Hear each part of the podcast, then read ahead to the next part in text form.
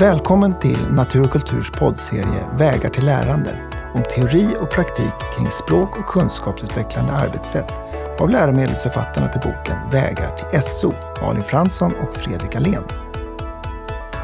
De åtta avsnitten är en del av lärarstödet till boken och vänder sig i första hand till undervisande lärare. Avsnitt 3 Begreppsförvirring Hej Fredrik! Hej Malin! Du, vad sysslar vi med just nu? Vi sänder podd. Vad kul att du säger det, för det gör vi ju. Det kan vi också säga att det är en poddsändning. Just det. Och då har ju plötsligt Vi sänder podd blivit, vi har gjort en nominalisering av det och slagit ihop det här konkreta görandet, verbet, till ett lite mer abstrakt substantiv. Man kan säga till ett begrepp som vi använder för att förstå vår värld som vi har just nu. Och jag tänkte på att sen vi började befinna oss i den här nya poddsändarvärlden så har vi fått en massa nya ord som vi slänger oss med lite hur som helst. Och som har blivit ganska konkreta för oss. Vi pratar ju om att vi ibland har lite poddångest, ja. eller att vi har poddmanus, eller att vi har lite poddprepping på olika sätt. Eh, det som hade varit kul, apropå, du vet att du inte gillar den här typen av humor, men om vi hade haft en till exempel ångestpodd istället för poddångest. Eh, eller så kan man ha en ångestpodd om sin poddångest. Nog om det. Vad jag ville få sagt med det här var att det är otroligt vad mycket begrepp som plötsligt faller till en så fort man börjar med något nytt i livet. Ja men det är för att du är en sån där lärande person så du håller på att identifiera nya grejer som du lär hela tiden. Nej, men jag ja. tror att det sker för de flesta. Om jag börjar syssla med en ny sport mm. så kommer det per automatik in en massa nya begrepp för mig i den sporten. Eller om jag som många elever börjar med något nytt spel så kommer det också en massa begrepp som hör ihop med det spelet. Men mm. nog om det. Idag så ska vi ju prata om begreppsförvirring till viss del kan man säga. Eller dagens avsnitt ska ju handla om varför och hur man i undervisningen kan jobba med centrala begrepp. Just eh, och där hade du ganska mycket spännande tankar om arbetsminne och långtidsminne. Det kommer jag inte ihåg. Ja, men, oj, du har lagt det i långtidsminnet. Ja, men det var, ja, precis. Det, mm. det var meningen att det skulle vara ett litet skämt. Jag förstår. Nej, ja. nej men så här, jo, alltså så här, vad ska man med begrepp till Malin? Vad, vad ska man med det till? Förstå världen, tänker jag. Förstå världen, ja. Specifikt i SO-undervisning behöver man en väldig massa begrepp. Ja, eller för... det kanske blir tydligt i SO-undervisningen att man behöver en massa begrepp för att man plötsligt ska lyfta blicken ja. och titta på världen på ett lite mera avståndssätt på något sätt. Ja, men just det. Jag eh, har nämnt det tidigare, men jag jobbade ganska många år med elever som hade det, det de hade gemensamt var att de hade inte haft det så himla kul och enkelt i skolan. Och jag vet att jag, någonstans sak som verkligen gav mig energi, det var när vi hade jobbat ganska hårt och när vi tillsammans kunde ha samtal som jag kände var så här, det här är på en bra nivå. Och vad, är, vad var det då? Bra nivå? Jo, vi kunde liksom använda ett språk. Vi kunde använda ett skolspråk. Vi kunde använda begrepp. Och Det gjorde mig väldigt, väldigt stolt. För är det någonting som jag tror kan få elever att, eh, att ge upp och, och få elever att känna att det är inget kul att gå till vissa lektioner, så är det när man inte förstår. Och det som jag tänker att det här avsnittet, det jag vill säga i det här avsnittet, det är ju sådär att vill vi att elever ska känna sig välkomna till våra lektioner och vill vi eh, liksom kunna utmana dem så måste, de, eh, måste vi ge dem goda chanser att alltså få en bra start. Och då handlar det just om att, att få förstå. Och då tror jag sådär att, som jag nog själv har gjort som lärare tidigare, att jag kanske har kunnat förmedla lärandemål som vi har pratat om i tidigare avsnitt. Mm. Det här ska vi göra. Och sen har vi satt igång och så har jag fokuserat på att nu ska jag göra en rolig lektion, så nu, nu gör vi de här aktiviteterna. Och sen har jag liksom portionerat ut centrala begrepp lite, de bara dyker upp eh, när de kommer. Men idag så tänker jag, det här, det här har du och jag pratat ganska mycket om tidigare, men idag, ett sätt att att underlätta, det är ju faktiskt att samla ihop de här begreppen innan. Alltså som ett, ett första steg att så här, nu ska vi arbeta med franska revolutionen. Och sen så aktiverar vi förförståelse och vi, vi pratar och diskuterar, vi använder vårt vardagsspråk. Men vi tar också fram och tittar på vilka är de här begreppen som kommer dyka upp nu när vi, när vi ska lära oss om franska revolutionen. Vilka är de? För på så sätt så kan vi också förbereda jag vet inte. Nej, men jag tänker att det här är exempel på en väldigt bra övergång när man går från vardagsspråk in i skolspråk. Ja. Och tidigare kanske du hoppade lite snabbt där, men nu kan man säga att nu bygger vi bryggan däremellan. Just det. Och, och argumentet då, det blir sådär, om man inte har gjort det, då är risken att vi trummar in i texter där språket blir obegripligt och vi har några som, som ger upp. Jag kan ge ett eget sånt där konkret exempel på, på när, när jag själv haft svårt att förstå. Eh, jag fick ju min diabetes för ja, nu, det är väl åtta år sedan. Jag, jag minns det som igår att jag, eh, när jag väl hamnade på sjukhus, eh, det var ju en chock såklart och så låg man där i liksom landstingets eh, långkallingar och tyckte väldigt synd om mig själv.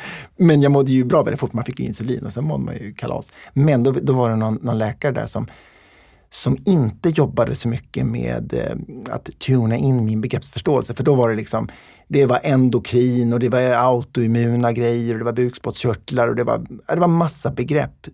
Eh, och jag kanske var i chock också, men jag fattade nästan ingenting. Men så låg jag där i den där salen och så var det en, en sjuksköterska som kom fram och liksom, hon hade en helt annan approach och hon pratade om sådär, jo men Fredrik, alltså diabetes. Och det är ju så här att du har ju, när du äter kolhydrater och så är det socker som åker runt i blodet. Och för att det där sockret ska komma ut i musklerna så att du kan använda, och så gjorde de säkert någon rörelse med, med armen och muskeln så, där, så behöver du en nyckel för att låsa upp. Och det är insulinet. Och nu funkar ju inte din egen insulinproduktion för den har ju somnat. så här får du en spruta så kan vi liksom spruta in insulin och då funkar det. Och då fattar jag ju precis. Och jag tänker så här, det är ju ett bra då känner man ju att man är med på banan. Och sen kan jag ta nästa steg och, och lära mig mer om det där. Men det där var ju en mm. illustration ja. av hur det kan mm. funka. Då. Eh, men om man ska komma in på det där med arbetsminne som du eh, eh, nämnde i inledningen. Jag, jag, tycker det är lite kul med, med hjärnan och jag försöker liksom, jag, jag, jag måste erkänna att jag tycker att det är liksom hur, hur går det till när vi lär? Och ett argument till varför vi ska presentera centrala begrepp innan vi tar oss an till exempel franska revolutionen, det är att göra plats i arbetsminnet. Eh, och det finns en psykologiprofessor, Daniel Willingham, han säger så att vi är ju inte konstruerade för att tänka. Vi är bra på mycket annat, säger han, eh, men inte att tänka. För tänka, det är både osäkert, trögt och krävande. Och så säger han så här, det är därför vi har ett väldigt bra minne som människor. Det är för att vi ska slippa att tänka och det tycker jag är en ganska, ganska rolig sak. Willinghams spaning är att elever och du och jag för den delen också, vi har väldigt svårt eh, för abstrakta idéer. Och det är liksom något naturligt. Och abstrakta begrepp, det strösslar vi med i SO, inte sant? Mm. Men det är ju först när vi har de här begreppen som vi kan börja resonera. Så abstraktioner kan man säga, det är ju målet med undervisningen. Och när jag går tillbaka och tänker så här, vad är det som gjorde mig stolt när jag och mina elever kunde föra samtal? Jo, vi kunde prata om ganska, vi kunde använda abstrakta begrepp och resonera och då blev jag ju väldigt stolt. Men hur går det då till? Hur lär vi oss nya abstrakta idéer? Och då kan man säga att Willingham menar att det är, bygger på att, eh, alltså att lärande, det är förändringar i långtidsminnet. Han menar att när vi har förstått någonting när vi har tänkt någonting, då kan det fastna i långtidsminnet. Och det i sig bygger på att vi har gjort en koppling till tidigare kunskap. Eh, ska vi till exempel då undervisa om franska revolutionen och så tänker vi att ja, men de här begreppen som kommer komma nu det är monarki, det låter ju helt, vad är det för någonting? Adel kanske, upplysning, fattigdom, svält, uppror och så vidare. Då måste vi hjälpa eleverna att hitta konkreta liksom, kopplingar till det här själv. Och där får vi vara lite kreativa så att de kan hänga upp monarki. Ja men just det, det är den där bilden av en kung och drottning kanske. Mm. Det är ett sätt att göra det här och man kanske har sett någon, någon Disney-film om, om kungar och sådana saker. Eh, så det är det som blir liksom utmaningen för oss lärare att det är de här begreppen som kommer dyka upp och hur kan vi hjälpa elever att göra kopplingar? För då gör vi plats i arbetsminnet. För annars är risken att det blir så mycket i arbetsminnet så då kommer vi inte kunna tänka klart och till slut så kommer det bli för mycket. Så liksom det är det som är, är, blir argumentet. Låter det helt galet? Nej, det gör det verkligen inte. Och jag har faktiskt en ganska så konkret erfarenhet av det. För jag har gjort ungefär som du har tänkt att jag tar de här centrala begreppen lite allt eftersom. För det kan bli mycket att börja med det så här inledningsvis efter att man aktiverat förkunskaper. Men sen hade jag en lärarstudent och så så ville hon gärna göra det upplägget att man gjorde som vi säger nu, aktivera förkunskaper och sen så jobbade lite hon med begreppen med eleverna på olika sätt. Och sen så körde vi igång med själva avsnittet. Och sen när vi hade utvärderingar med eleverna, där vi faktiskt satt och pratade med eleverna i grupper och gjorde lite djupgående intervjuer, då sa alla att det var så skönt att vi hade delat upp det. Ja, att vi hade fått begreppen innan ja. och då fick jag mig en tankeställare att var det? Tyckte de? Mm. Eh, så då fick jag en liten aha-upplevelse, för jag har stått också och pratat om vikten av det, men inte riktigt gjort det själv. Men jag märkte hur befriade eleverna kände sig. Ja, det. För, för, det kan man ju tänka på om man lyssnar på en, en, en, en lärare eller någon föreläsare som pratar om det som man inte riktigt, man, är, man kan inte så mycket om det. Och så är det en väldig massa abstrakta begrepp. Då får man liksom fokusera, då fastnar man kanske på ett begrepp som man försöker febrilt försöka förstå.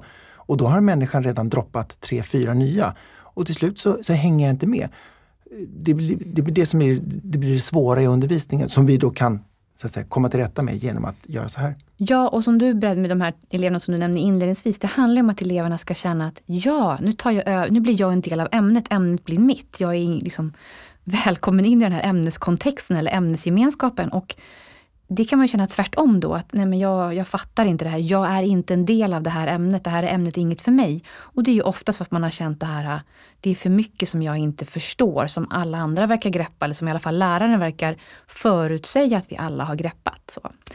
Nej, men jag tänkte komma in på någonting annat mm. eh, kring det här kring begrepp och eh, det är lite kring ett eh, kring translanguaging som är det amerikanska uttrycket för det här som jag tror från början myntades av Sam Williams redan 1996. Eh, parentes, bra uttal Malin. Tack, jag har övat mycket på att säga translanguaging. Jag tycker väldigt mycket om den här svenska benämningen som börjar komma nu som är transspråkande. Okay. Eh, och det handlar egentligen om att det som är nytt med det här handlar om att man pratar om att eleven ska använda alla sina språkliga resurser vid kommunikation med andra och i det egna inre tänkandet. Och om jag tänker att jag ska gå igenom nya begrepp, mm då kanske jag behöver aktivera de andra språk jag har och se, finns det liknande begrepp eh, på mina andra språk som jag har, som kan hjälpa mig att förstå det här begreppet eller kan jag rent av begreppet på mitt andra språk? Just det, för när man möter det, det svenska begreppet monarki, mm. då kan man tänka på sitt, sitt modersmål eller, eller på andra språk. Ja, kanske på engelska. Just. För att många elever har ju många språkliga resurser. Man kanske har en tre språk med sig. Sen kanske man kan dem mer eller mindre säkert. Eh, och då kan man tänka, men det här låter ju som kodväxling som man pratade om tidigare. Mm. Det som skiljer begreppet kodväxling som man har pratat om ganska länge, det är att eh, transspråkande eller translanguaging handlar mer om att att det, man byter inte liksom språk. Man växlar inte språk, utan mm. man ser mer att jag har de här språken och de är lite som en väv. Att de går in i varandra och jag kanske tänker en tanke på ett språk och en på ett annat. Att de är mer sammanknutna än att kunna säga att det är två olika språk. helt enkelt. Men, för att, för att liksom förstå det här då. Det är bra att ha många språk och det ska man utnyttja. Det, ja, och det är väl kanske det. Tidigare fanns det någon slags myt som jag tyckte hängde kvar ganska länge i svensk skola om att eleverna skulle språkbadas i svenska. Mm -hmm. Att man i princip uteslutande skulle tala svenska och att jag var med till och med om en diskussion om att man skulle förbjuda eleverna att tala sitt första språk mm. under skoltid. Det har man ju som tur är helt släppt nu, mm. för det har man ju sett att det var ju, gjorde ju mer skada än nytta. Utan eleverna använder alla resurser de har för att ta sig an nytt språk. Och det kan ju vara så, monarki, jag kanske inte kan det begreppet på något av mina språk, men jag kanske tillsammans liksom kan bygga begreppet på flera olika språk och helt enkelt utveckla flera språk parallellt. men det säga. tycker jag man märker. Jag märker på mina barn hemma att ibland så letar de efter ord och då kommer ett engelskt ord istället. Mm. Och, så, och då är, handlar det om att man uppmuntrar det. Och konkret i undervisningen så kanske det är så att man först låter eleven eh, dels tänka självklart och sen så kanske också skriva ner eller själv ta reda på ja. ett begrepps betydelse på sitt eget första språk. Mm. Och sen så kanske jag pratar med min, min granne, min lärkamrat, som kanske har ett annat första språk. Men då försöker vi prata med varandra på svenska och sen går man tillbaka och försöker skriva ner det, fast på sitt första språk. Mm. Och sen tillbaka och kanske tillsammans försöker formulera sig på svenska. Så att man låter språken gå lite in och ut i varandra. Och då kan man få panik. Jag, som, jag är inte så bra på många språk. Jag kan lite tyska och svenska och engelska.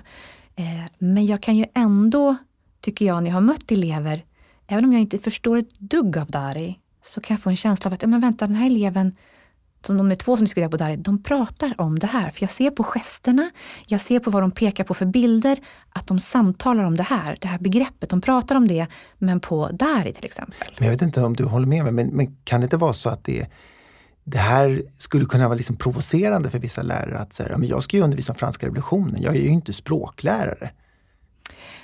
Nej, men då kan man säga att det har kommit en ganska ny forskningsöversikt från Skolforskningsinstitutet där man säger att just, nu var det ju nu undersökte man naturvetenskapliga innehållet, men där kunde man tydligt se att om eleven fick använda första språket eller alla sina språkliga mm. resurser så gynnade det lärandet. Ja, och jag det. tänker att oavsett om du är språklärare eller NO eller SO-lärare så vill du väl ändå gynna lärandet hos eleverna? Jag, jag menar det och det vi pratar om nu, om jag ska försöka sätta en etikett på så här, min förståelse vad vi gör nu, vi, vi, det, här, det här är ju knep för att undanröja hinder i lärandet.